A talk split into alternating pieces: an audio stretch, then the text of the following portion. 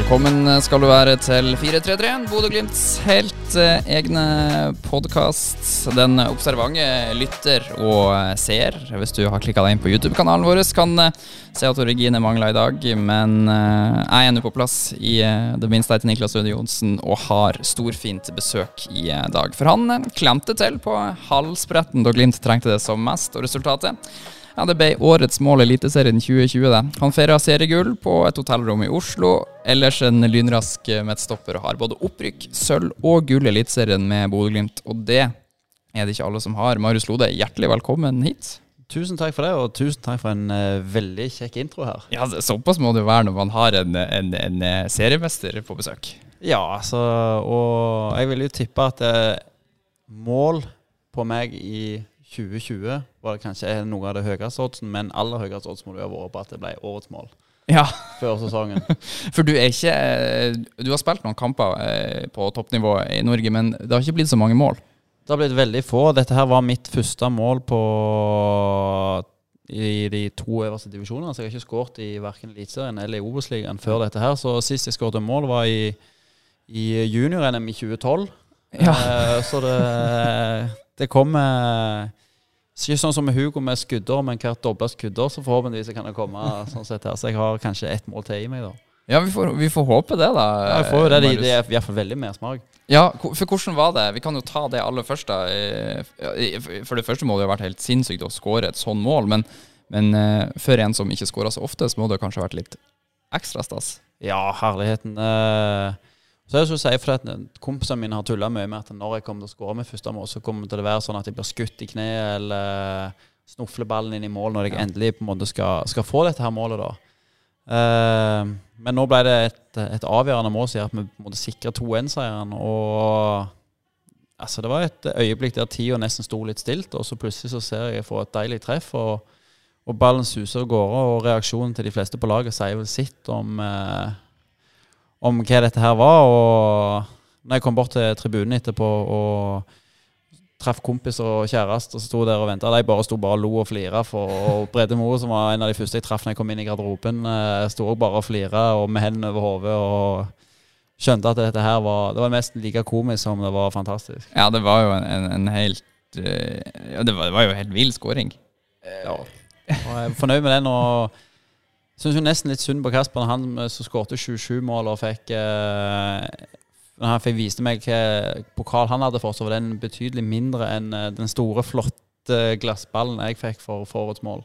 Ja, altså man får, man får større pokal for å skåre ett fint mål enn 27 eh, vanlige mål, om man kan kalle det det. Ja, de setter tydeligvis mer pris på kvalitet over kvantitet i uh, kåringene i Eurosport. Men uh, jeg klager jo ikke, men uh, det ble en veldig fin pynt Og, å, å ha i heimen. Ja, har du den? Det, du har kanskje ikke peishylle, men uh, har den fått hedersplass? Ja, han står midt på, på spisebordet nå, så uh, han pryder Jeg prøver å ta han fram og få vist han sånn at når folk kommer innom, så hvis de ikke har sett han tidlig, så flytter jeg på han sånn at de, de ser han. Ja, det er jo veldig bra. Du burde hatt den kanskje i entreen. Det første de ser. Ja, jeg burde jo nesten ha det. Jeg burde få en sånn her en, eh, glasskuppe, hva det heter når Ja. du får den i en sånn eh, Satt han inni et, Et monter. Et monter, ja. Med en gang jeg kommer inn i leiligheten, så folk kunne sitte og så Du kan ha sånn dørskilt 'Her bor eh, årets eh, målskårer'. Ja, ja altså Dine ord. Veldig bra. Du, eh, Marius, lenge før du eh, kom til Glimt og begynte å skåre årets mål og sånn, så du har jo spilt fotball eh, lenge. Hvordan var, hvordan var du som fotballspiller før det på en måte ble seriøst? Uh, ja, si det. Altså, det har jo vært Det begynte vel når jeg var fem-seks år gammel. Og eh, jeg kombinerte jo fotball og håndball fram til jeg var en 15-16 år. Eh, og spilte vel fotball ganske lenge uten at jeg var, var helt var noe sånn seriøst. Det er jo veldig mye lek og gøy og i, i lange perioder som fotballspiller. Men eh, det er klart det endra seg mye når jeg var en 14-15, når vi fikk, vi fikk noen nye trenere der vi skulle få liksom ei med seg litt sånne sånn satsnings, sats- eh, i barndomsklubben min, som er Frøyland IL. Um, og det, på en måte det fysiske har eh, alltid vært min forsvar. Jeg har vært rask og kontropper. Og, og det så har det vært å sette det i et system og, og få, få, litt kontroll på det òg, og kunne utnytte det. Eh, og begynte faktisk som eh, et midtbaneanker, som en som bare lå og takla og vant ballen og gitt den til en eh, kreativ midtbanespiller jeg hadde på sida av meg. Så min rolle var å springe, få tak i ballen, gi den til han, så kunne han få lov til å, til å gjøre det meste. Og de hadde på det tidspunktet en, eh, en trener på A-laget til Frøyland som hadde sagt den ene stopperen som jeg kom opp og spilte, men jeg ble tatt opp på A-laget etterpå, at Jokke, give the ball to the good players. Så han skulle beholde ballen minst mulig til beina. Ja. Og det var mest litt sånn det var for min del en periode, men uh,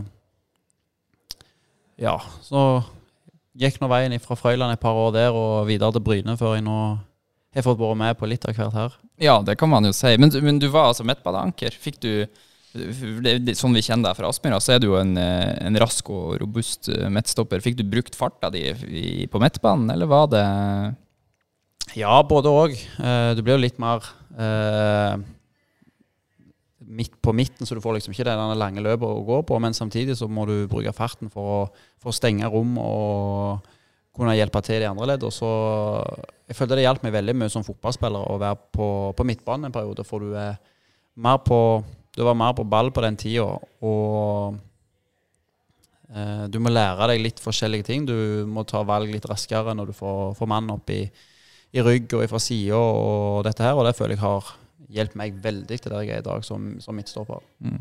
Så gikk turen eh, videre til Bryne. Som du sier, du har over 130 kamper for, eh, for Bryne. Og eh, vi har jo bedt lytterne våre om spørsmål, som vi alltid gjør. Det har kommet litt spørsmål om tida di i Bryne.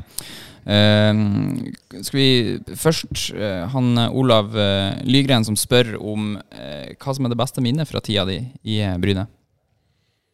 Beste minnet?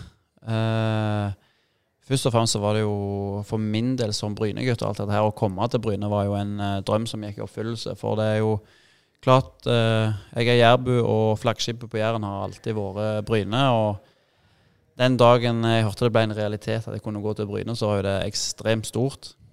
Uh, ja, for beste, du, du ja. er født i 93, så det vil jo si at da Bryne var i Eliteserien. Det husker jo Det husker jeg, og Håvard Sakariassen, som nå jobber i Glimt, var jo i, uh, i Bryne når, når, jeg var Bryne-patriot. Og best, to av kompisene mine har òg eh, vunnet en talentkonkurranse i synging, så de har vært sunget på Bryne stadion i en pause som uh, hele kompisgjengen har vært sitt på. Og, og, dette her, Men mitt beste minne i Bryne må være når vi slo Viking i cupen med, med, Bryne ja. i 2013. Det var en opplevelse av de sjeldne å se at eh, hele Jåttåpotter, som jeg kaller det, og, eller Jåttåvågen eh, på Viking stadion, der var helt rød, og du hørte nesten kun, eh, kun våre supportere. Det var helt enormt. Jeg hadde ikke lyst til å gå av banen når kampen var ferdig. Nei, for dette var på bortebane? Ja, stemmer. Ja.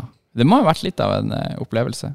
Ja, absolutt. Og det er litt sånn Bryne har fått et litt sånn lillebrorstempel òg i det siste, ut ifra hvordan Viking har vært de siste åra. Og, og det da å komme ut til Stavanger og i yachtopporter der og gå utpå og gruse dem, det var, var, en opplevelse for livet som uh, kom til å sitte, sitte, godt i minnes. Ja, Og så har jo Sandnes Ulf også kommet opp og, og, begynt å blande seg der, sånn at uh... Ja, det, det har det jo, men samtidig så er det Viking og Bryne. Det er det som er på en måte rivaleri. Og så har du fått en litt sånn etterpåklatt som er kommet der og, ja.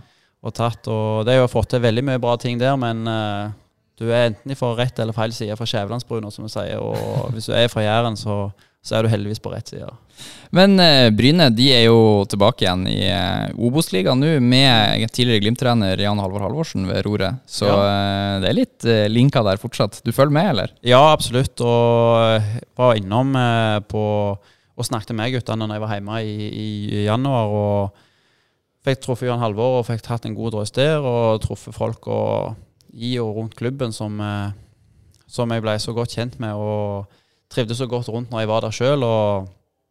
Det blir sykt gøy. Jeg fulgte mye med det i fjor. og det blir veldig kjekt å se hvordan de i år klarer seg når de endelig er tilbake på det som kategoriseres som toppfotballen. da. Mm. Så, og Det er jo der de hører hjemme, å være i de to øverste divisjonene. og Veldig fint at Jan Halvor og Even Sæler som trenerteam har klart å ta dem opp igjen. så det blir gøy å følge med i år. Ja, Har du trua på at de kan etablere seg på nivå to? Ja, det tror jeg. De har fått inn eh, mange av de rette typene. Og de har jo en rutinert ringrev i Rogvi Balvison som er, innom, er med i det færøyske landslaget. og har spilt mot gud og enhver mann, har store navn med Ronaldo og Zlatan og det hele. Og så har du mange yngre gode som kommer opp i, i Bryne, og så har du fått eh, eh, på med, med litt eh, nye folk òg som kommer inn. og så det blir spennende å se hvordan, eh, hvordan de klarer å bidra, eller mm. hvordan de klarer å gjøre det i årets sesong. Vi kan, vi kan, ikke slippe Bryne helt ennå, for det er faktisk eh, Eller det er kanskje ikke så veldig overraskende, men mange som eh, har, vil spørre deg om en viss eh, Erling. viss Erling som spiller i, i Dortmund. Eh, blant annet eh, Mattis Boy 1993 som spør om du har spilt med Erling Braut Haaland. Ja, vi spilte i lag i min siste sesong i Bryne, som blir i 2016 før jeg kom her. Da kom han opp, og både han og søskenbarnet ble satt vel begge to det året ny rekord i hva som var den yngste spilleren som hadde spilt for Bryne eh, på toppnivå. Og eh, så allerede da på en måte en fyr som eh, var ekstremt lysten til å ta utvikling, men eh, det er jo helt sjukt å se på hvor han sitter i dag, og hvilken rolle han har fått i, i verdensfotballen i dag. Det, ja, det er egentlig bare helt sykt å se på. Ja, Det har gått fort? Det har gått helt ekstremt fort. Det, begge to reiste ut fra Bryne i 2017. og Jeg har jo fått vært med på mye gøy, med, med både med seriegull og seriesull og litt europakamper med Bodø-Glimt. Men det han har gjort, er jo uten sidestykke. Ja, men så har jo han møtt en ekstremt god midtstopper på trening. da. Ja, Han har hatt ekstremt gode sparringspartner. Og det er jo klart, når han har fått tynt seg litt mot sånne på trening, så kan en si at det blir greit å komme seg ut og få prøve seg. Men du så allerede da at han var At han var eh... Du ser at han har et sånt snitt over seg, for han har den aggressiviteten han har i presset, det steget han har, men du klarer jo ikke helt å se at du skal bli en så stor internasjonal suksess eh, i en sånn en alder. Men det er klart han har alltid hatt et internasjonalt snitt og en sånn her drive over seg, som han sikkert har fått eh, fra faren, som òg har vært en enorm vinnerskalle. og eh, Jeg ble jo helt sjokkert når det at eh, vi spilte mot han eh, med Glimt. Eh, det var i 2018, og jeg så mm. hvor enormt svær han plutselig hadde blitt. For han var jo høy og tynn når han var i Bryne, men når du plutselig så han hadde fått på seg en 20 kg med muskler i tillegg, så var det jo ja, en, Tøff å møte. Ja, veldig. Mm. Ja, også han Jørn Sund Henriksen spør om du har mye kontakt med Jærens nest beste fotballspiller. Eh, ikke så mye kontakt, men eh, sender noen meldinger med han, eh, med han, av og til. Og eh, fikk ei drakt av han eh, han hadde skrevet fra den sesongen i Bryne som var 'Lode kongen'. Eh, ja. så, han, så jeg fikk både meldinger av en video av han når jeg skårte målet mot Kristiansund, og fikk nå nettopp ei drakt hjem i posten. Så det er veldig gøy å ha litt kontakt og kunne snakke med han og se høre litt hvordan han har det der han er. Ja, Får satse på at uh, dere møtes igjen i Champions League til, uh, til, høsten. Det hadde vært veldig veldig rått. Ja, det hadde det. Så, så kan vi uh, Vi kan ikke forlate tida di i Bryne helt uten å, å komme inn på dette som skjedde den ene sesongen der du ble utestengt. Jeg vet ikke hvor mye mm, du kan eller har lyst til å, å, si om det, men hva var det som skjedde? nei, altså vi spilte en bortekamp mot, mot Jerv i 2015. Uh, og eh, søstera mi har ADHD og har eh, Ritalin-kapsler liggende hjemme. Og vi kom hjem om det kunne vært rundt to, to på natta og skulle opp igjen tidlig på morgenen dagen etterpå. og fra tidligere når jeg gikk på ungdomsskolen, sånn, så hadde jeg prøvd en uh, Ritalin-kapsel fra lillesøstera mi og, og, fikk ekstrem nytte av det til å finne roen og, og konsentrasjonen. og uh, spurte mor mi om jeg kunne ta en den morgenen, for det at vi hadde kommet så seint hjem, jeg var litt stressa før eksamen. Og hun heller tenkte ikke noe over det med, liksom med fotballhverdagen og dette her. Uh, Ut ifra at det skulle hjelpe meg på, på skolen til å finne, kunne slappe av. Uh, og to dager seinere så spilte vi en kamp mot uh, Sogndal hjemme 13. mai, hvis jeg ikke tar helt feil. Datoen pleier som regel å sitte og jeg har gått gjennom dette et par ganger ja. og tenkt på mye på det, men Og noen måneder seinere eller allerede Jeg sa jo på dopingtesten at eh, jeg hadde tatt dette preparatet, da, og la aldri på en måte skjul på eh, at jeg hadde tatt det, eller noen ting, og gitt tydelig beskjed til legene og dette her. Og ja, uten å gå for mye inn på ting, så har jeg òg tatt min mi straff for den uh, uforsiktigheten jeg hadde der. og uh, har følt jeg har kommet veldig styrka ut av det, for du blir litt uh, tvungen til å finne ut hvem er du hva, hvem er du utenom fotballen som du har vært levd av de siste åra. Uh, det var veldig spesielt, veldig tung periode. Uh, når en først får høre at en har testa positivt og blir utestengt i et år. Men samtidig så er det jo det som ikke tar helt knekken på deg, gjør deg òg sterkere. og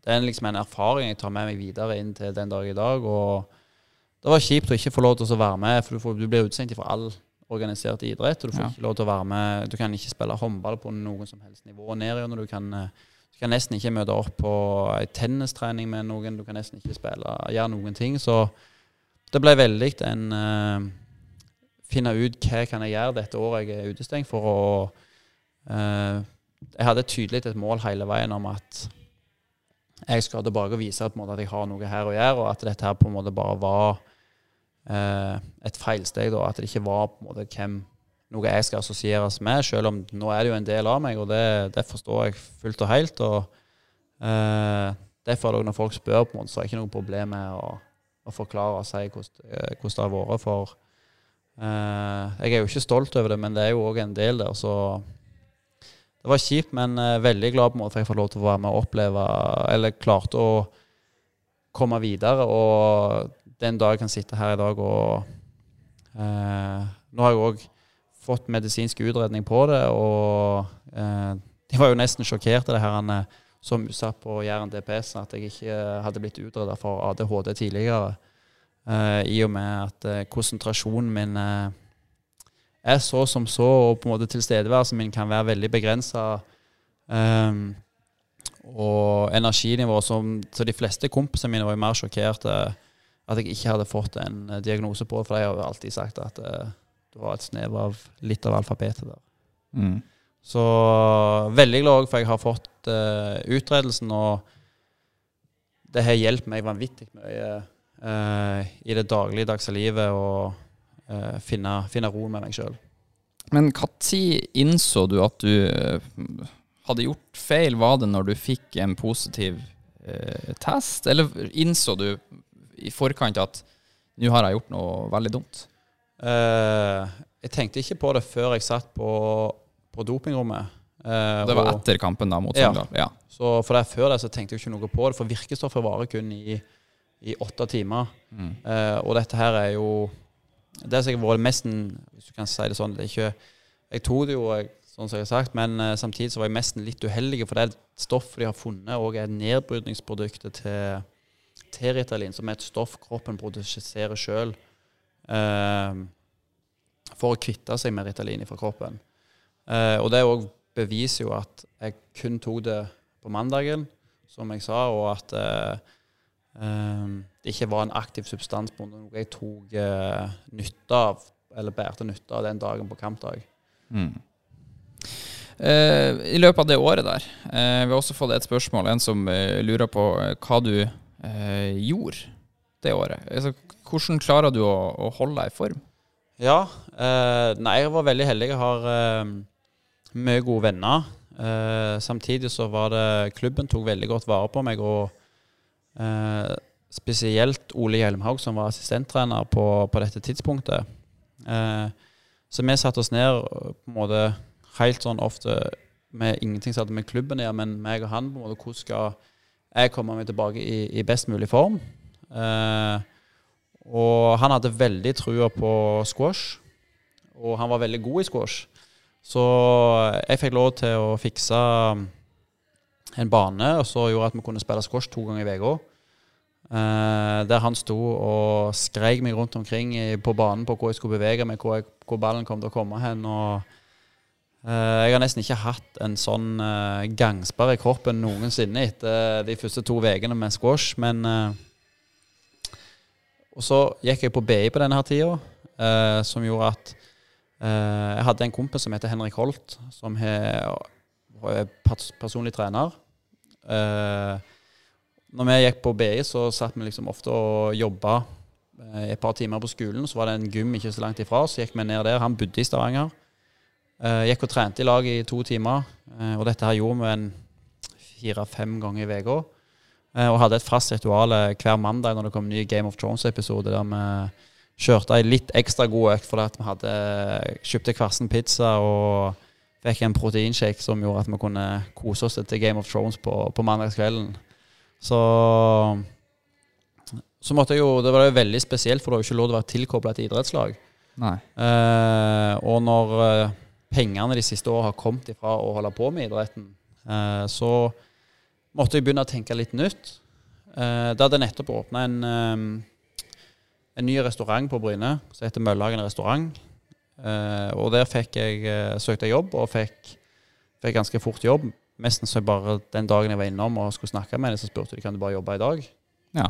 Og det var jo, passer jo meg perfekt. Og kom sykt godt overens med ledelsen og har veldig god kontakt med, med de som var i ledelsen den, den dag i dag òg, og jobber ennå litt for dem med, med, litt andre ting, administrative ting i forhold til utdanningen jeg har med økonomi. Uh, men det ble jo en veldig annerledes dag i forhold til hva jeg var vant med. For nå ble det at jeg var på skolen, reiste inn til skolen og var på skolen kanskje en åtte-ni. Og satt på skolen og jobbet et par timer. Så fikk vi lurt inn én til to timers trening. Og så måtte jeg bare hive meg i bilen og komme på jobb klokka tre på Bryne. Mm. Som er en 25 minutt, halvtime kjøretur fra der jeg er på skole. Og da måtte jeg jobbe fra tre til klokka ti-elleve på kvelden igjen. Og så var det hjem og sove, og så var det opp igjen samme, dag, samme dagen etterpå. Så det var en erfaring, det òg. Men mm. Eh, ble veldig fascinert over restaurantyrket, det å servere og eh, være innenfor serviceyrket, det med å kunne snakke med folk, vite tid skal du snakke, hvilken tid skal du bare servere. Tid. Det var en veldig fin balansegang der. Mm. Og når du er på Jæren, som eh, der flere folk kjenner hverandre, så ble det jo litt spørsmål og kjekt at du jobber her. og eh, Sånn ble det jo når det at du serverer mange kjente folk. og den mest spesielle opplevelsen var nesten å begynne å servere kompiser som kom, og lag, tidligere lagkamerater. Mm. Og du begynner, skulle begynne å servere dem, så var det veldig spesielt når jeg skal ta imot matbestillinger fra dem. Jeg følte det var en litt sånn spesiell situasjon, og du hadde bare lyst til å sette deg ned med dem og, og spise. Mm. Men eh, eh, det høres jo ut, og du var jo inne på det òg, at du har lært mye og fått masse erfaring og kommet styrka ut av det året der. Jeg vet ikke, Tror du at du hadde kommet lenger som fotballspiller i dag hvis det her ikke hadde skjedd, eller eh, kortere, eller? Ah, det er veldig vanskelig å si, syns jeg. Eh, en av grunnene til at jeg valgte å flytte opp til Bodø, er jo for at jeg følte alt det som hadde skjedd hjemme, alt det som var. Og når vi rykte ned i 2016 med Bryne som jo, For jeg fikk komme tilbake og spille de siste elleve kampene i 2016. Um, ehm, og det holdt på å gjøre at vi klarte å holde plassen med Bryne i 2016, men vi rykte ned. Og jeg er jo veldig alltid syntes det har vært godt å være hjemme der det er trygt og godt, og um, nært kompiser og familie og sånn. Men sånn sett i ettertid så tror jeg kanskje den største eh, og den beste tingen jeg gjorde, var å velge å flytte eh, og reise vekk. For det, det er det med å komme eh, Bli litt selvstendig og havne litt i en angrepsposisjon og, og få nye impulser. Eh, jeg trivdes veldig godt i Bryne, men jeg følte òg, ikke bare fotballmessig, men kanskje personlig, at jeg hadde gått meg litt i ei blindgate der jeg ikke helt klarte å, å komme meg videre. Eh, så du kan vel si at det både var kjipt å være utestengt i et helt år, eh, men samtidig så er det vanskelig, det blir spekulativt å, å si om jeg hadde vært en, vært en annen plass. Mm. For nå har jeg jo heldigvis fått oppleve veldig mye. Eh, for å si det sånn, når jeg reiste til Bodø-Glimt, så hadde jeg aldri trodd jeg skulle sitte med et seriegull og et seriesull og ha spilt jevnt mot Milan på på San Siro. Men uh, ballen er rund, og så mye på en måte jeg har fått ut både av det mentale med å jobbe med Bjørn, som jeg er jo ikke sikker jeg hadde møtt hvis jeg ikke hadde gått til Bodø. Eller jeg hadde ikke møtt. Og mye av dette her føler jeg kommer òg av Mange sier jo at de skal være heldige som lever av fotballen, og mange som jeg har hørt som har slitt mentalt, at, eh, som får høre liksom sånn Hvordan kan du synes det er vanskelig når du lever det kjekkeste du vet? Uh, og det kan jeg kjenne meg litt igjen i, men for min del så var det så har jeg funnet ut at fotballen er det jeg vil holde på med. At det er det kjekkeste jeg vet om, og at jeg trives veldig godt med den hverdagen eh, vi har som fotballspiller. Og da òg får du den lille ekstra driven, og så ble jeg har vært veldig godt for min del, fordi at du skjønner hvor skjørt det er, arbeidslivet og mest livet generelt, hvor fort kan, ting kan bli tatt ifra deg som du egentlig har sett på som en selvfølge. Så sier du jo at eh, da du kom til Bodø-Glimt, så hadde du ikke sett for deg å verken bli seriemester eller ta, ta eliteseriesølv. eh, Og det er, sier jo de aller fleste. Det var ikke så mange som hadde, hadde sett for seg det. Men hva hadde du sett for deg da du flytta opp hit og, og skulle spille for Glimt, som også rykka ned i 2016, da til eh, Obos-ligaen? Ja, først og fremst så var det jo at jeg hadde jo et mål om å spille Vise at jeg skulle spille fotball på toppnivå. Og når muligheten kom i Bodø-Glimt, så følte jeg at eh, det var en klubb med store tradisjoner. Eh, en klubb som alle har hørt om. Eh, det er jo en klubb som har vært litt jojo opp og ned, men eh, samtidig en veldig eh, stor plass vil jeg si, i norsk fotballhistorie. Hvis du spør folk, så har de en eller annen assosiasjon til Glimt.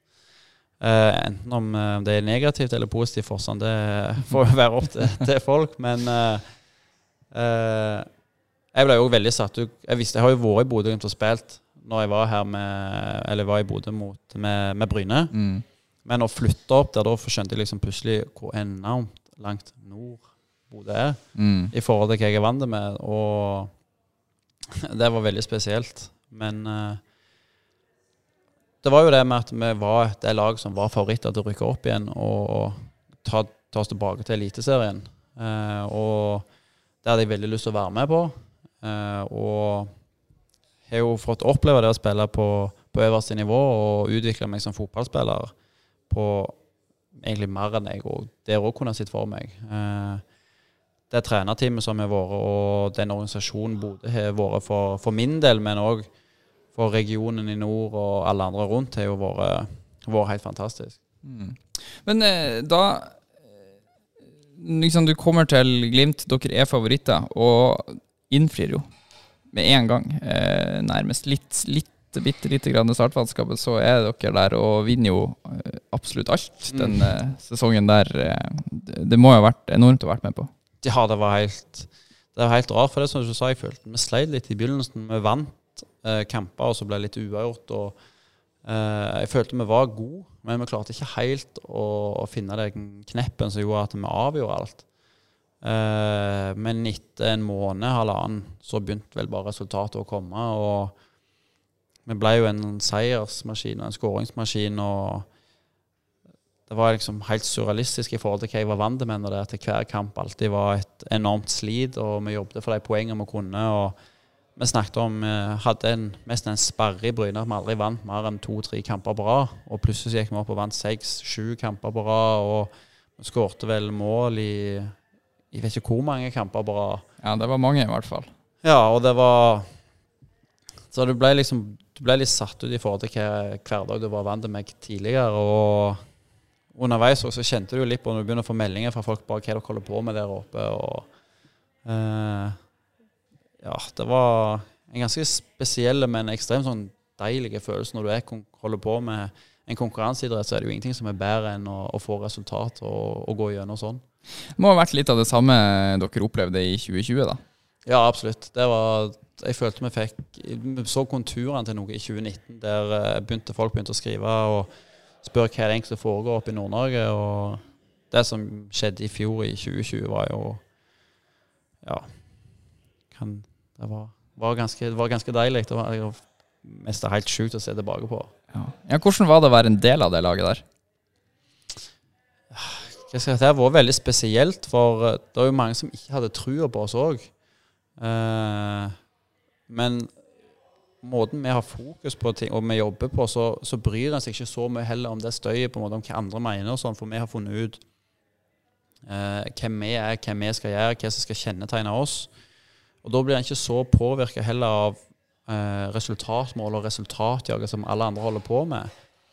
Um, men det var en veldig spesiell opplevelse. for når serien starta og ting bare gikk egentlig fra første kamp mot Viking, der vi vinner 4-2 i i Stavanger som er et resultat jeg har tatt med meg videre fra Stavanger tidligere, med, med Bryne i 2013. Så, så ble det på en måte bare at ting gikk av seg sjøl. Eh, vi klarte å nullstille til hver kamp. Ikke selv om det var og du, altså, sånn Selvtillit er jo en ting du, som du må få. Du kan ikke bare si at 'nå skal jeg ha det'. Det er noe du må fortjene deg til. Du må få det over tid.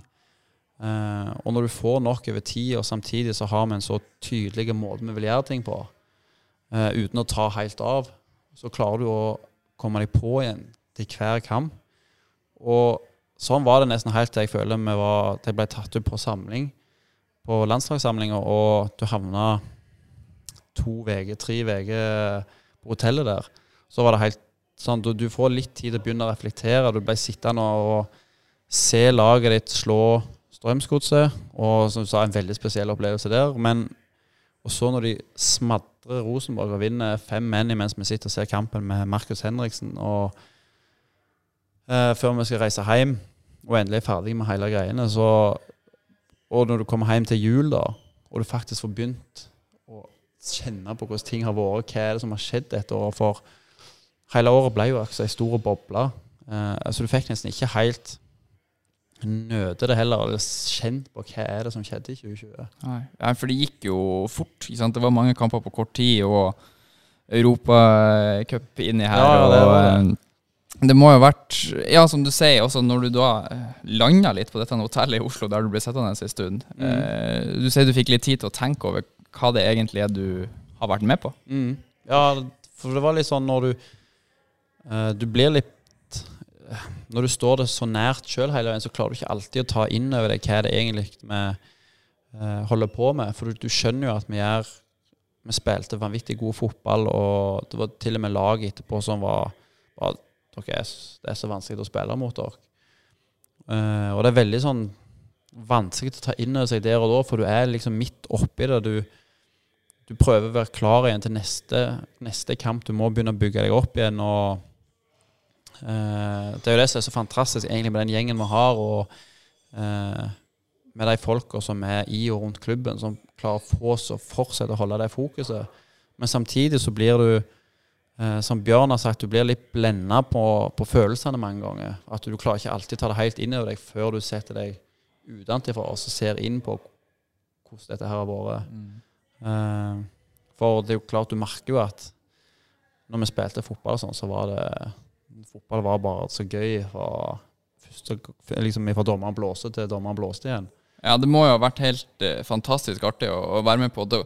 Og dere var jo så gode på et tidspunkt at sjøl jeg som eh, har én assist i en treningskamp eh, i åttende divisjon, liksom følte at jeg kunne ha gått inn på og, og laget ville likevel ha vunnet med fire mål, uten at det nødvendigvis eh, stemmer. Men det var sånn det opplevdes å se ja, ja, ja, på. Eh, så det må, ha vært, eh, det må ha vært helt sinnssykt artig å, å være med på. Ja, absolutt. og Eh, når du har liksom en gjeng som Du ser det liksom når vi kanskje hadde noen kamper eller en kamp der det ikke alltid stemte 100% så var det, du hadde nye som kom inn igjen, hadde så ekstremt lyst til å spille, komme med en helt ny energi som, som gir så mye. og Det er det vi har snakket om, at det er elleve spillere som kan være ute på banen om gangen, men vi er så mye mer enn det at det er viktig at alle som skal være med og rundt, har noe å komme med. Og, og det syns jeg er veldig gøy.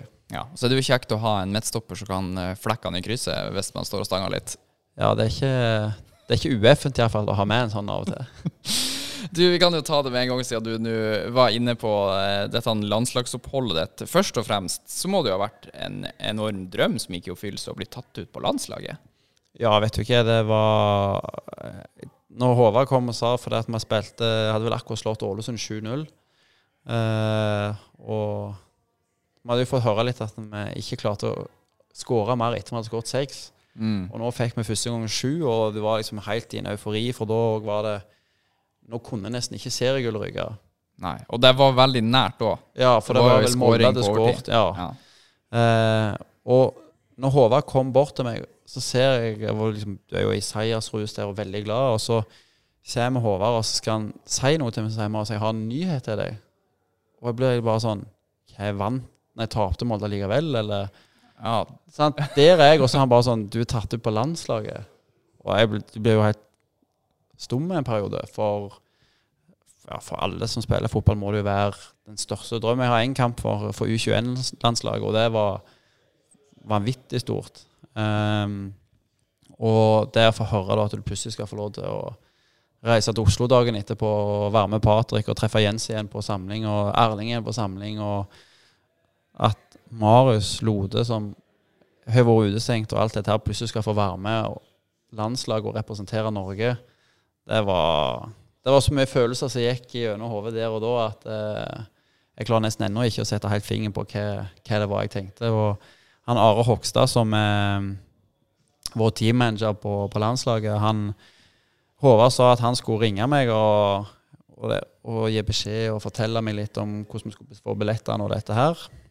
Og når han Jonas Berg Johansen kommer fra Eurosport og spør meg, så står jo ting ennå rabler litt, så jeg klarer jo ikke, husker ikke helt hva Are het etter. Så jeg sa Are Hockey et eller annet. og når jeg kom ned på, på samlinga på mandagen, så kommer Are Hogstad bort og så sier han at det er jeg som er Are Hock et eller annet. Og jeg ble jo bare kjempe, rett og rødma med en gang første jeg kom. med. jeg.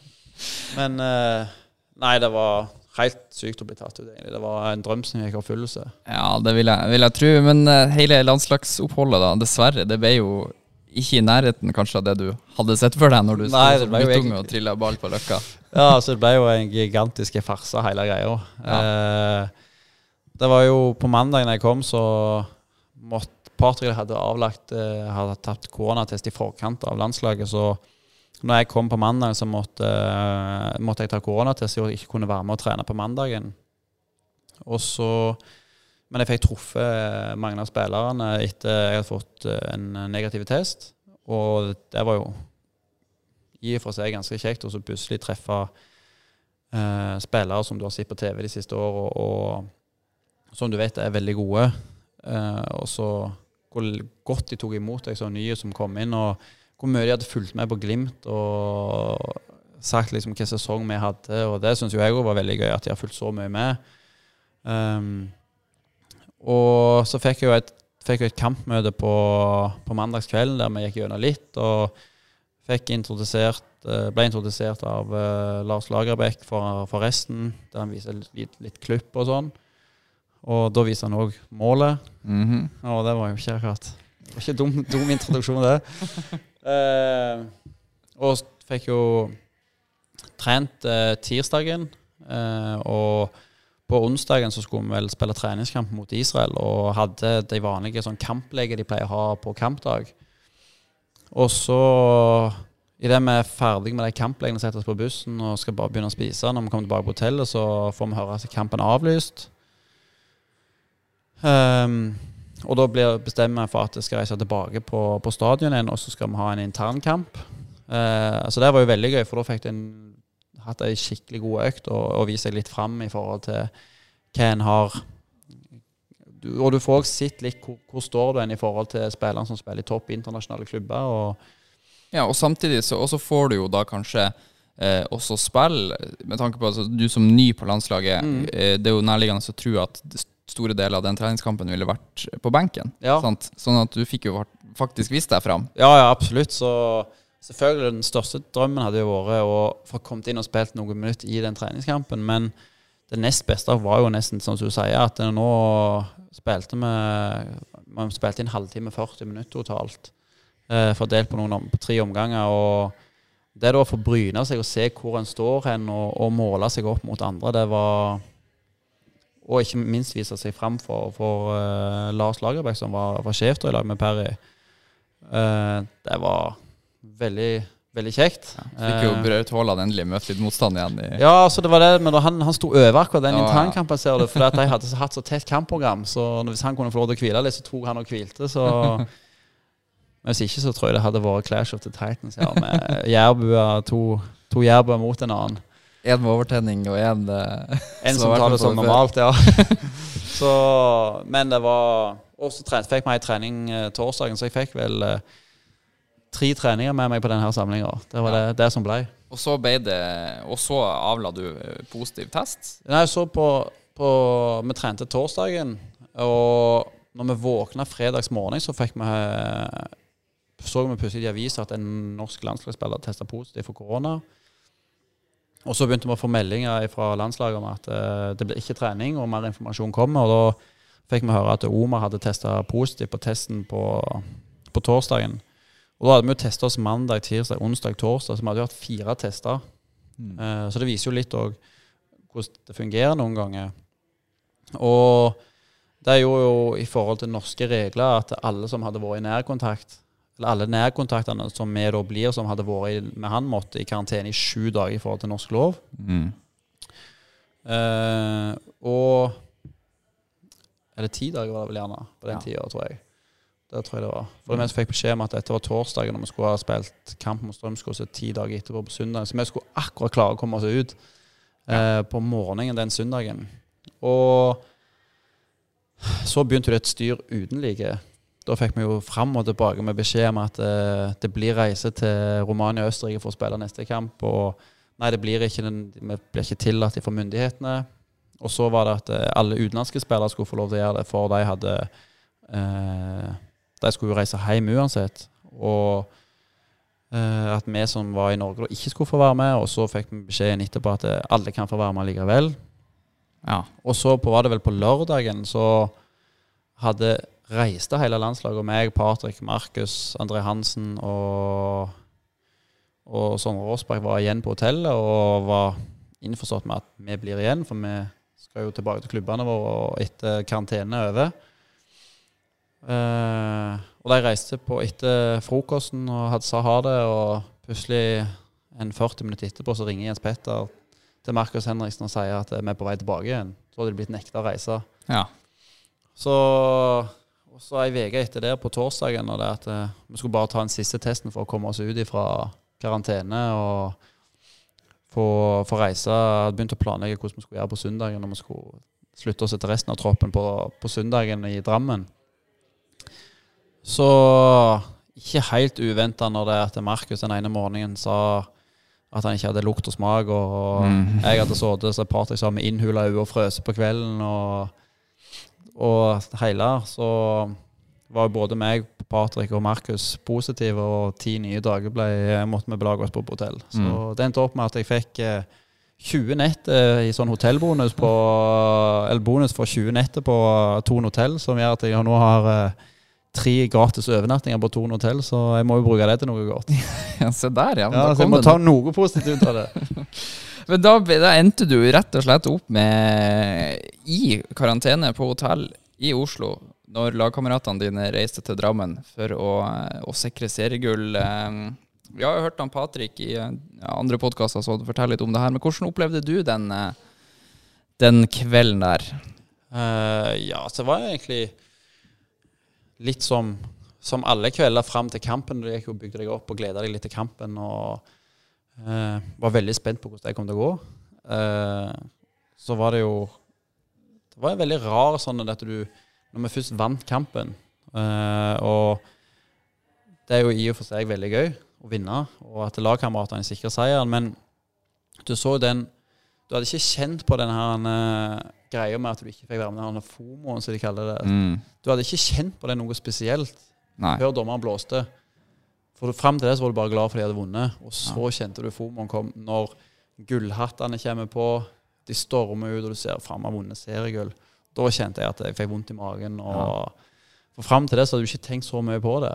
Men når det først skjer, og du ser den liksom får du, Den gleden der kommer liksom bare som en sånn eufori der og da, som er så Du klarer nesten sikkert ikke De har heller sikkert ikke bygd seg opp til det, Nei. men de opplever den der og da fordi at alle, alle seire er gode, men denne her sikrer seriegull. Og det å ikke få være med på den var veldig spesielt. Og første gang liksom du kjente på at eh, fy fader, det her er skikkelig drit å ikke få være med på.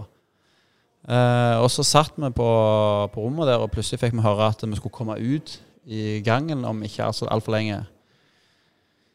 Eh, og vi blir geleida bort gjennom gangen, og du hører et jævlig leven ute i, uh, ut i gangen. Og og du skjønner, liksom, skjønner sånn smått halvveis hva som er på gang. Og, og, så ligger det noen flagg. Det eh, står gullpils i gangen. Og så blir du geleida ut på verandaen, og plutselig så kom hele laget ut fra bussen, og det er jo full baluba med champagne oppi så Jeg fikk jo totalt overtenning og glemte å ta med munnbind når jeg skulle skyte champagne i trynet på meg sjøl. Så Du dynka munnbind i champagne? jeg gjorde det. Så Ja. det, det munnbindet der lukta champagne i en god stund etterpå. Eh, så Men fytti grisen, det var jo en eh, fantastiske ting som på en måte skjedde den kvelden. da, For det var Vi har snakket om det om å være, ha et samhold i, i, i klubben. Og det er jo ikke mange ting som viser det bedre enn når du ikke kan delta, men allikevel så får du delta så godt som mulig når hele laget kommer innom og stopper ut før og står og synger vårt navn. Og, og Are dem på, de på, på landslaget også skal jo all kreditt for uh, måten de fiksa til og lagde eh, Marius og Patrick med seriemester 2020-banneren som hang ute fra hotellet. Og, så det var, var en veldig spesiell, men en veldig kjekk opplevelse. Ja visst. Jeg, altså, jeg får gåsehud når du prater om det nå. Ja, det var, det var veldig gøy. Ja, det vil jeg tro. Ja. Og så, ja, som du sier, det samholdet, de står der nede. Eh, dere er jo noen etasjer over de, de står og synger, og, og så eh, Men de går jo på et eller annet tidspunkt inn i bussen Mm. og fortsetter festen. Eh, fortsatte dere festen, eller var det bare Da var vi seriemestere, god natt? Nei, altså vi ble jo sittende oppe en stund, og ble sittende, men vi ble, tok en litt annen variant. Vi ble sittende og se Klovn The Movie 3 og kose oss med den. Så, så det var, Vi hadde sett de to andre tidligere, så det å få se den var ekstremt gøy. Og det, da fikk vi fullført trilogien med seriegull, så det det var veldig godt, men det ble ikke noe sånn spesielt til feiring. Nei, det er ikke så gøy å sitte og Nei. drikke seg kanakas på et hotellrom. Og, Alene, nei. nei. Men det ble jo ei feiring etter at du igjen da fikk slå, være med å slå Viking eh, i mm. siste serierunde. Så ble det nylig ny gullfest og fikk løfte pokalen, og, og da fikk du jo uh, være med. Heldigvis for Ja. meg, ja. Ja, hvordan, det, hvordan var den festen? Jeg regner med at de andre eh, kanskje var litt ferdigfesta?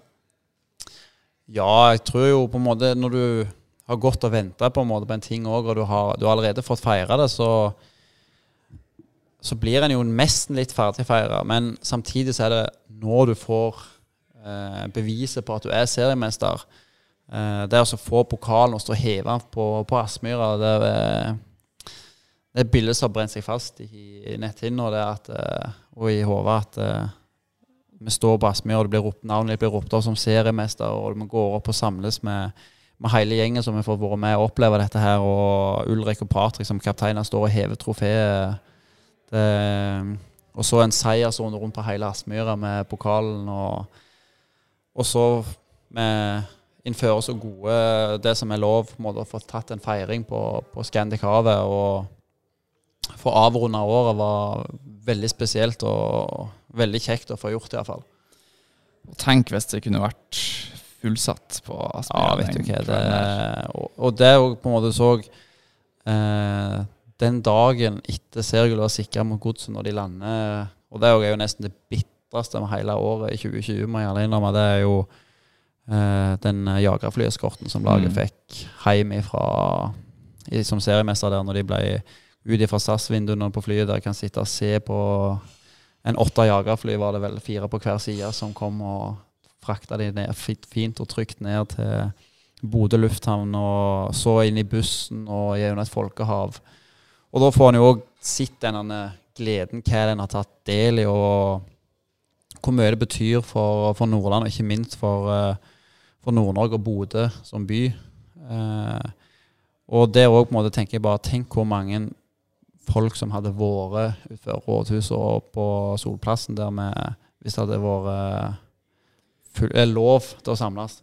Større messe. Ja, det hadde jo vært Ja, det hadde vært helt vilt. Ja, for nå allerede så var det jo, var det jo godt med folk. Ja, det var det. Og, men altså, det er jo forståelig når vi tar et sikre Bodø sitt første seriegull gjennom tiende, så så er det ekstremt gledelig, men det er òg gøy å se hvor mye det betyr for folk. Mm.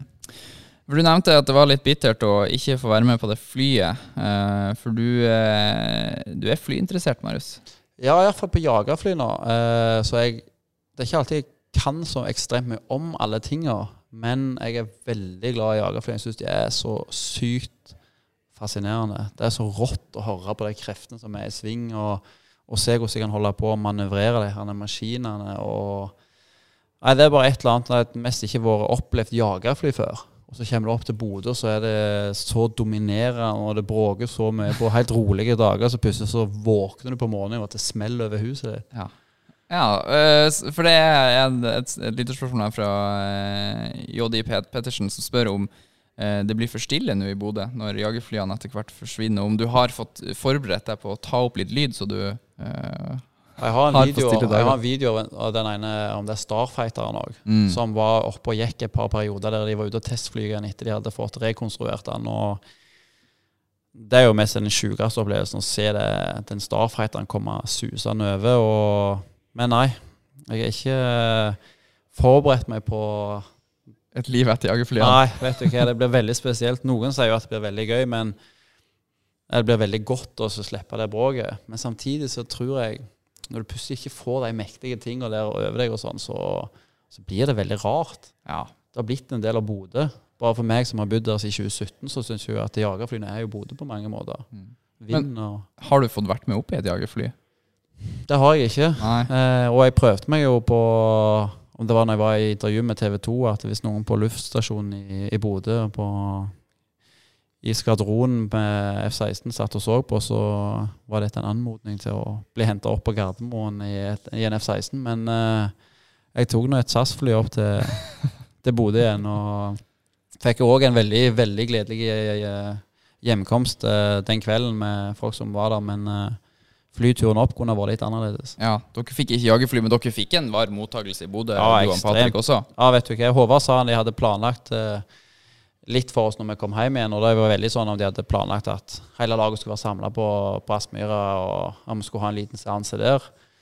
Men eh, det som skjedde når Håvard kom og plukket oss opp på flyplassen, og AN og NRK og TV 2 var der og hadde et lite innslag og spurte oss litt hvordan dette her hadde vært.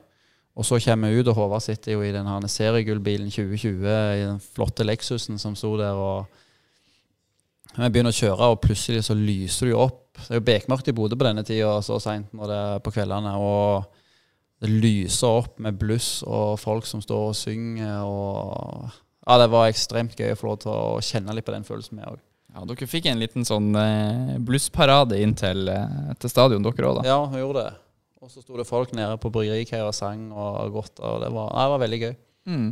Og det er veldig bra, da, oppi, oppi alt det her, at, at, eh, at dere òg fikk en, en sånn eh, velkomst. Um, men jeg har fått et spørsmål her eh, fra en som eh, ønsker å være anonym. Og, og vi kan jo, jeg vet ikke om, om det er noe som har skjedd her, men spørsmålet er om eh, Altså, etter du hadde korona, om, om humøret ditt eh, forandra seg. For spørsmålet er eh, hvorfor ble du så sur og grinete etter du hadde hatt korona? Men hvis spørsmålet skal være anonymt, så forstår jeg jo at spørsmålet ikke er fra en anonym person. Nei, det, jeg tør ikke å si noe. Kan jeg spørre om det er Vegard Moberg? Ja. ja. Du kan spørre om det. Ja, jeg kan spørre om det. uh, for å si det sånn, humøret mitt har vært ut ifra hva som eh, hva jeg gikk glipp av, og hva som ikke har vært, så vil jeg jo si at det har vært helt upåklagelig.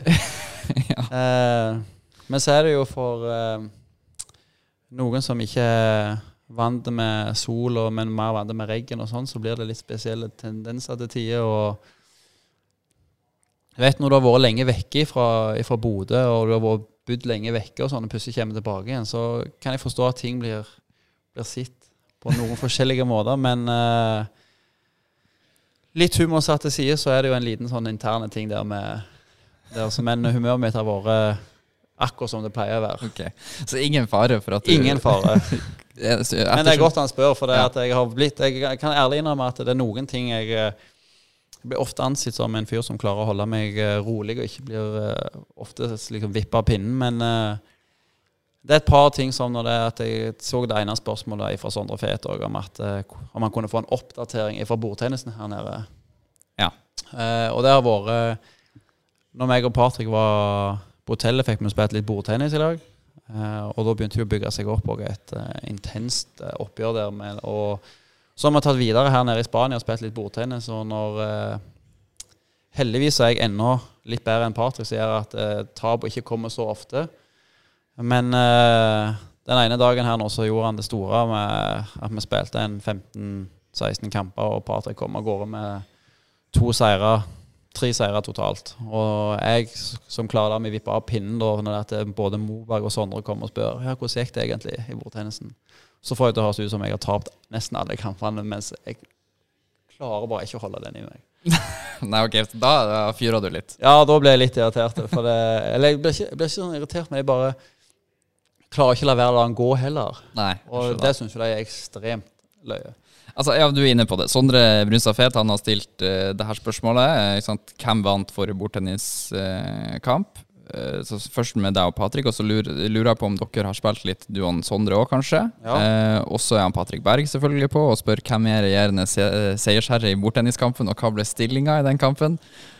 Og også Hugo Vetlesen spør uh, hvem er best i bordtennis av deg og Patrick? Ja.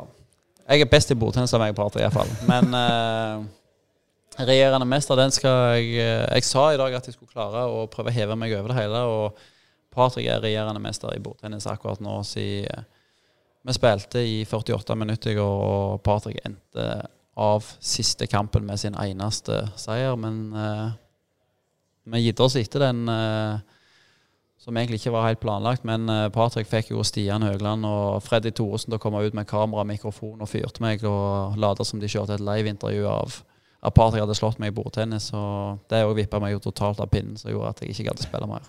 ok, Så du ga deg på bunnen, med andre ord? Ja, jeg gjorde det. Så det, og det angrer jeg meg jo ekstremt på den dag i dag. For det, nå har han gått hele dagen og sagt at han er regjerende mester, og den skal han få. Ja, du har fått litt, uh, du har fått litt tyn for bordtennismeldinga. Ufortjent da, i dine øyne? Ja, i mine øyne så er det veldig ufortjent. Og i går så tok jeg Botheim ganske enkelt i bordtennisen. og uten å virke bitter, så slo jeg jo Patrick ganske ofte. Men han er regjerende mester, så han skal få den. Uh, og så den skal du få, Patrick. Og så Sondre det, der, der, begynte jeg med to feilsår i dag, så han leda 2-0, og så ble det 11-2. Så det var, det var, egentlig aldri helt den store konkurransen. Nei, så han kan bare være stille? Ja, altså han ja. uh, men han skal få lov til å melde litt. Det, det er fint, det.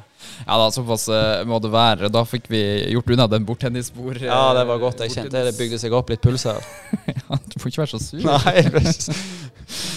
du, Vi tar med oss litt flere lytterspørsmål her. Blant annet så spør han Isak Grønmo om for Han lurer på For å bli bedre mentalt i fotball, da, hva kreves for å håndtere presset? veldig godt spørsmål. Eh, fotballen er jo veldig kompleks, og det er mange som blir påvirka av forskjellige ting ute på fotballbanen. Og for min del så tenkte jeg veldig mye før på hva, hva andre syns om meg når jeg var ute på fotballbanen, og har snakket veldig mye med, med Bjørn om det. Eh, samtidig så har vi vært veldig dyktige på Han har vært veldig flink på å utfordre meg på det med eh, Når jeg sjøl, f.eks. hvis jeg ser på en fotballkamp eller er det sånn at jeg sitter og tenker kun på den ene spilleren, ser kun på den ene spilleren? Eh, er det sånn når du er på et treningssenter at uh, ser, du på, ser, du på, en bestemt person? For det er jo mange som ikke liker å gå på treningssenter òg, f.eks. Hvis du skal dra en der du tror at alle sitter og ser på deg. Men i grunnen så gjør jo ingen det. Uh, det sitter veldig mye over en forestilling du, du sjøl tar på deg. men så skal du heller ikke tulle på en måte med, det, med press, for det er mange som kjenner veldig, eh, veldig på det. Og jeg har jo kjent veldig mange ganger på den sjøl, både for å skuffe meg sjøl, skuffe andre, hva andre vil si om meg og mene. Eh, men til syvende og sist så er det viktigste egentlig at du kan egentlig aldri kontrollere hva andre eh, tenker om deg. Og den dagen en på en måte klarer å legge litt sånne ting ifra, hverandre, eller ifra seg, så tror jeg jeg vil ta store steg på det. Mm. Ja, Bra utfyllende uh, svar. Satser på at han Isak fikk, fikk uh, svar på det han lurte på. Han, uh, Jakob Pedersen han spør hva er den beste kampen du har spilt? Hmm. Jeg er jo veldig fornøyd på mange måter med, med kampen mot Milan.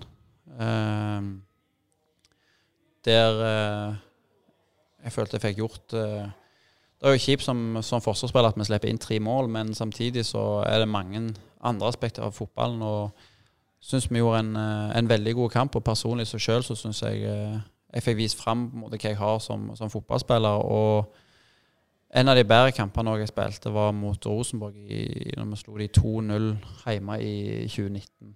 Første seriekampen der. Mm. Uh, jeg har uh, vært og snoka litt. Grann. Ikke, ikke så veldig mye, Marius. Ikke noe å være redd for. Men uh, jeg har funnet, funnet fram til en svakhet hos deg. Mm. eller jeg har hørt rykter om at du er veldig svak for kaker. Mm. Stemmer det? Kake og bakst og alt det her. Det, ja. ja. Ka hvorfor det? Det er jo ekstremt godt. altså, det er så sjukt godt. Og uh, Hva er favoritten? Uh, jeg er veldig glad i solskinnsboller. Ja. Og så har det vært fordi at det var en periode der jeg ikke åt så mye bakst heller, fordi at uh, kjæresten har cøliaki. Mm. Så vi måtte begynne å Når hun lagde kanelboller som var glutenfri en periode, så var det jo Uh, måtte du drikke to liter vann for å kunne konsumere de her bollene så lenge de ikke var rett ut ifra ovnen. Ja. Uh, men nå når uh, hun òg har funnet gode oppskrifter på, på glutenfrie boller, så kan vi jo, blir ikke sånn at jeg går og spiser ei bolle alene hele veien. Men, så da hadde vi jo et mest lite sånn bakeri der vi satt og åt mye boller under koronaen, og det kom litt vårsol fram på verandaen. Og, men jeg vet ikke helt. Jeg har, har bare alltid hatt et ekstremt sug etter, etter bakst og kake generelt. Ja, for det er ikke nødvendigvis sukkeret? For det er, ikke, det er ikke det samme mot smågodt eller is eller sånn type Ja, generelt så er jeg jo egentlig veldig svak for søt.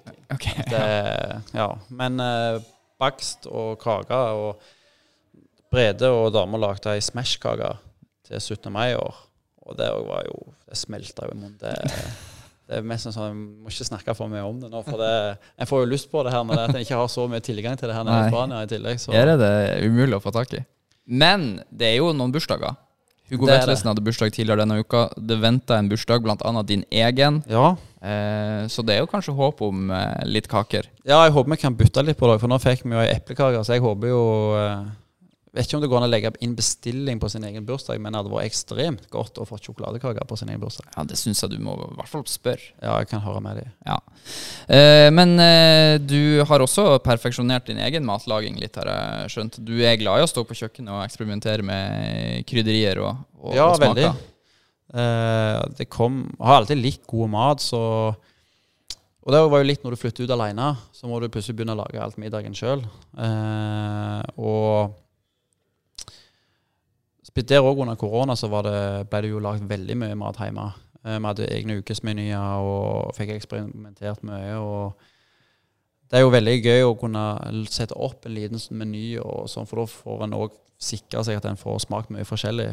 Og det er nesten når en begynner å søke opp ting og finne ut av ting og teste forskjellige ting, hvor ekstremt mye forskjellige kombinasjoner av gode smaker det er. Ja. Har du klart å, å funne noe har, har du noen tips så også stort sett spiser wok og torsk?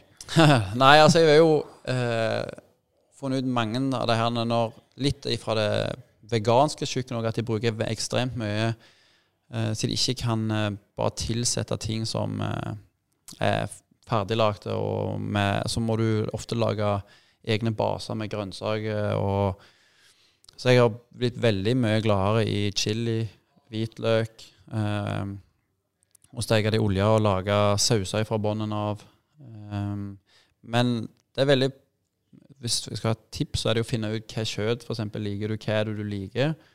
Uh, og så finne ut uh, hva du vil ha til, og så prøve å finne forskjellige smaker du kan lage det ut med. For før tenkte jeg kylling er kylling, og, men nå er det med ha ovnsbakt kylling, ha steik til kylling. Uh, det blir også mange forskjellige måter du kan lage på etter hvert. Du kan legge det i i sauser og la det nesten koke og få, få smakene til å trekke enda mer. og ja, det er nesten uh, uendelig, og så blir det jo av og til litt dessertlaging òg. Og der er det, jeg er veldig glad i smuldrepai. Å oh, ja, å. Det, det, er godt. Ja, det, med litt is til. Det blir Ja, nå holder jeg på å gå i fella igjen og begynne å tenke for meg. vi må roe ned matpraten her før, ja. før, det blir vanskelig. Men så er jeg òg inne i uh, de her svenskene som jeg jobbet med, som driver den eh, restauranten jeg begynte å jobbe, de eh, produserer kebabkjøtt. Ja. Eh, der vi får tak i eh, svinenakke og svinebok rett fra Nortura Prima Jæren, som er to av de større slakteriene. Og eh, jeg har jo alltid tenkt at kebab bare er ren eh, hva skal jeg si, helgemat og nattmat, og hatt et veldig sånn at det er et usunt måltid. ja. Er det ikke det? Nei, egentlig. Det er jo sausene dette her som gjør det veldig usunt. Eh, for hvis du, hvis du anser eh, svinenakke som en av de finere delene på, på svinet, på en ung gris For det er også viktig at det kommer fra unggris og ikke fra ei purke. For purkekjøtt er ofte mye hvassere i, nei, eh, i smaken. Det er ikke så okay. bra smak. Um, så det vi får ofte i butikkene, er jo ung grisbok eh, som har litt mer fett, som også er veldig fint. Og du får jo mye mer smak fra fett i f.eks. fra en entrecôte Ja. på, på kuer som har som har mer smak, da. Så når vi får inn dette her kjøttet, så strimler vi det opp i Eller skjærer det opp i små, små tynne fileter. eh, Og hiver det inn i en maskin som gjør at vi klarer å åpne og strekke muskelfibrene, som gjør at de åpner seg, så vi kan putte inn marinade. Så lukker det seg rundt dette her og blir marinert i, i 24 timer. Fra innsida, på en måte? Ja, Ja. sånn at hele smaken kommer fra innsida. Du ikke bare marinerer det på utsida, men du strekker opp og åpner fiberer i, i, eh, i eh, kjøttet. Og gjør at du kommer inn liksom med vann og med kryddersmaker helt til innsida. Og det gjør òg at når vi har latt det marinere i 24 timer etterpå, og så har du sånne store sånn kebabspyd, Ja. og da tar du de her og bygger lag for lag, og bygger det helt opp. Så det er ikke noe sånn møkk eller møkkjøtt som har vært mange andre plasser tidligere når de snakker om uh, dønerkebab. Så du får egentlig et kjøtt som kommer fra de flotteste slakteriene, og som er topp kvalitet. Som er marinert og bare bygd på spyd, og så de, uh, blir de rett og slett bare grilla. Og så blir de jo kjært av. Ja. Så har du uh, en fantastisk godt kjøtt, og nå holder vi på å rulle det ut i, i butikker hjemme. Eh, vi har endelig fått avtaler med Rema 1000 og med Coop er ute og prøver det, og Kiwi hjemme har det. og Første helga for to uker siden så solgte vi ut i tre av 15 eh, Rema 1000 på, på ett døgn. Ja. Da fikk du reklamert litt for eh, Ja, kebabkjøttet Men eh, veldig, Og det er òg på en måte smakene i forskjellige eh, etter, etter, etter du har jobbet litt med det, og du reiste Når jeg bodde hjemme og var utestengt, og vi fikk reist litt rundt og så testa forskjellig, for det er jo ekstremt eh, opptatt av å teste forskjellige ting. Og liksom jeg får lov til å være med, og de sier hva jeg skal være litt på, på utkikk etter, hva jeg skal smake når jeg skal teste. Så, så håper vi å få åpna nå i Bodø òg, for det, det er noen alternativ, men vi må få et veldig godt alternativ. Jeg skjønner. Så du har fått eh, på en måte blitt lært opp til å, å bruke smaksløkene dine litt, da? Ja, litt på, i hvert fall på det som det de er på utkikk etter, sånn at jeg kan teste det når jeg tester en kebab. Så vil jeg at de skal se på det med sånne og sånne øyne. Skjønner. Du, eh, Marius, helt til slutt så tenkte jeg at vi skulle snakke litt om eh, disse gullskoene dine. Mm. Eh, for det har også kommet et spørsmål om de, men du kan jo ta bakhistorien til gullskoene du brukte i siste serierunde først. Ja. Eh, jeg fikk jo egentlig først en melding fra Thomas Drage når vi satt som tidligere Glimt-spiller Thomas Drage, som hadde så et bilde som kom ut på Twitter eh, av noen gullsko. Og det var vel Bildet hadde lå ute i åtte minutter når han sendte screenshot av det eh, og spurte har dere en av Diadora. Eh, og det sa jeg ja til, og den meldingen tok jeg jo direkte og gikk inn og, eller gikk rett inn på, Twitter, nei, på Instagram og, og fant dette bildet og tok screenshot av det og sendte det til Håvard. og for jeg hadde jo ganske mye ekstra ekstratid Ja. tid over som jeg satt på hotellet i Oslo. Eh, og sendte de til Håvard og spurte om det var mulig eh, å fikse et par sånne. For på dette tidspunktet så hadde vi jo allerede slått eh, godset, så vi gjorde at vi var seriemester. og ikke var, jeg sto i noen som helst fare for å jinxe noe eller være, være cocky på noen som helst måte. Det var faktisk fordi at det, det var bare lagd 56 stykker av det i verden òg, så jeg tenkte jeg måtte være tidlig ute og høre iallfall. Mm. Um, og Håvard sa han skulle, skulle gjøre det han kunne. Han skulle ta kontakt med eh, representantene i Diadora og få dem til å, å se på det. Og jeg pushet når jeg spurte et par dager etterpå. Håvard kom med litt gledelige nyheter. At de iallfall uh, De var litt overgitt at jeg hadde fått det med meg. Ja. De, men de syntes det var veldig gledelig. Ja. Og uh, jeg håpte jo på ja, av hele mitt hjerte vi skulle få det til. For det, det er jo sjukt kult at de lager noen gullsko som som kommer fra den modellen de hadde, som var fra VM i 56, og som òg markerte i gull skulle jo være for uh, at uh, Ballon de Ord skulle ikke gis ut for første gang siden 1956, når det først kom. Mm. Um, så det var jo litt historie bak det òg, hvorfor det kom ut i gull, akkurat i den modellen. Og akkurat det året du tok gull? Ja. ja. Hæ? det er ganske tilfeldig og sjukt å tenke tilbake på når du sier sånn, faktisk. Det gjør det jo enda kulere. Ja, sant. Og eh, når jeg kom tilbake, så sier Håvard at eh, nå har han gullskoene inne på, på kontoret. Han sa han hadde prøvd å fikse det hele laget, men i og med at det var bare lagd i begrensa eh, opplag, som sagt, så var jo det veldig vanskelig. Men så jeg hadde vært så tidlig ute og spurt, og de Diadora syntes det var veldig kult eh, å, å, ha dem til den eh, begivenheten som skulle skje da, siste seriekamp, spesielt når vi skulle få seriegullet. Og til noen sin frustrasjon så ble det jo, var jo noen som ble veldig misunnelige når de så dem. Og det skjønner jeg jo. Så. Sånn ble det. Ja. Eh, og det ble jo med den ene kampen, men eh, sånn blir det jo. Altså det, det var litt det de skulle være til òg, og jeg fikk tatt mange kule bilder med dem. Og Uh, Ilona som jobber i Diadora, var jo kjempefornøyd for uh, Og jeg var jo, takket jo hun etter kampen og syntes det var galskjekt at hun hadde klart å skaffe dem. Og det ble lagt ut på ProDirect Soccer sine sider, som har uh, noen ja. millioner følgere. Og, og, det var jo veldig gledelig. Og hun hadde sendt, jeg sendte hun noen bilder som hun skulle sendte videre igjen til fabrikken i Italia og hovedkvarteret der. Kult. Har du skoene fortsatt? De har jeg hjemme, ja. ja. Har du eh, han eh, Tor, Tor, eh, som han kaller seg på Twitter, her, spør om du kommer til å dra de fram igjen i november-desember 2021? I grunnen så skulle de jo ikke brukes, men uh, jeg ser jo ikke noen grunn til at jeg ikke skal gjøre det hvis uh, Hvis vi kommer til det stykket, nei. nei hvis du blir seriemester igjen? Så skal jeg iallfall ikke utelukke det. Nei. Uh, ja, for jeg lurer også på hvis, Unnskyld, hvis du kommer til et gruppespill i Champions League, er det alternativt at du drar dem fram da? Uh, jeg er litt usikker, for uh, når du er jo vant med å spille med noen sko, og dette, så er det, er det viktig òg å ha uh, spille i sko du er, er skikkelig trygg på. Jeg ja. likte jo veldig godt å spille i disse skoene, det må, må sies. Men uh, samtidig så må de nesten òg bevares til, til de jeg lov til å si gylne øyeblikkene Ja. som... Og kanskje ikke en avgjørende kamp hvis det gjør at du ikke smeller den ballen i krysset. Akkurat. Marius Lode, eh, det var det vi rakk. Tusen hjertelig takk for at du stakk innom. Jo, tusen takk for at jeg fikk være med. Det var veldig gøy å sitte og drøse litt. Ja, veldig eh, hyggelig. Så kan jeg bare si til dere som eh, hører på, at dere får eh, huske om det Klikk dere inn så dere kan se hele denne episoden på YouTube-kanalen vår. Dere hører den overalt der dere finner eh, podkast. Det har dere jo allerede gjort, selvfølgelig. Men Husk å trykke abonner, da, sånn at du får med deg neste episode. Vi høres!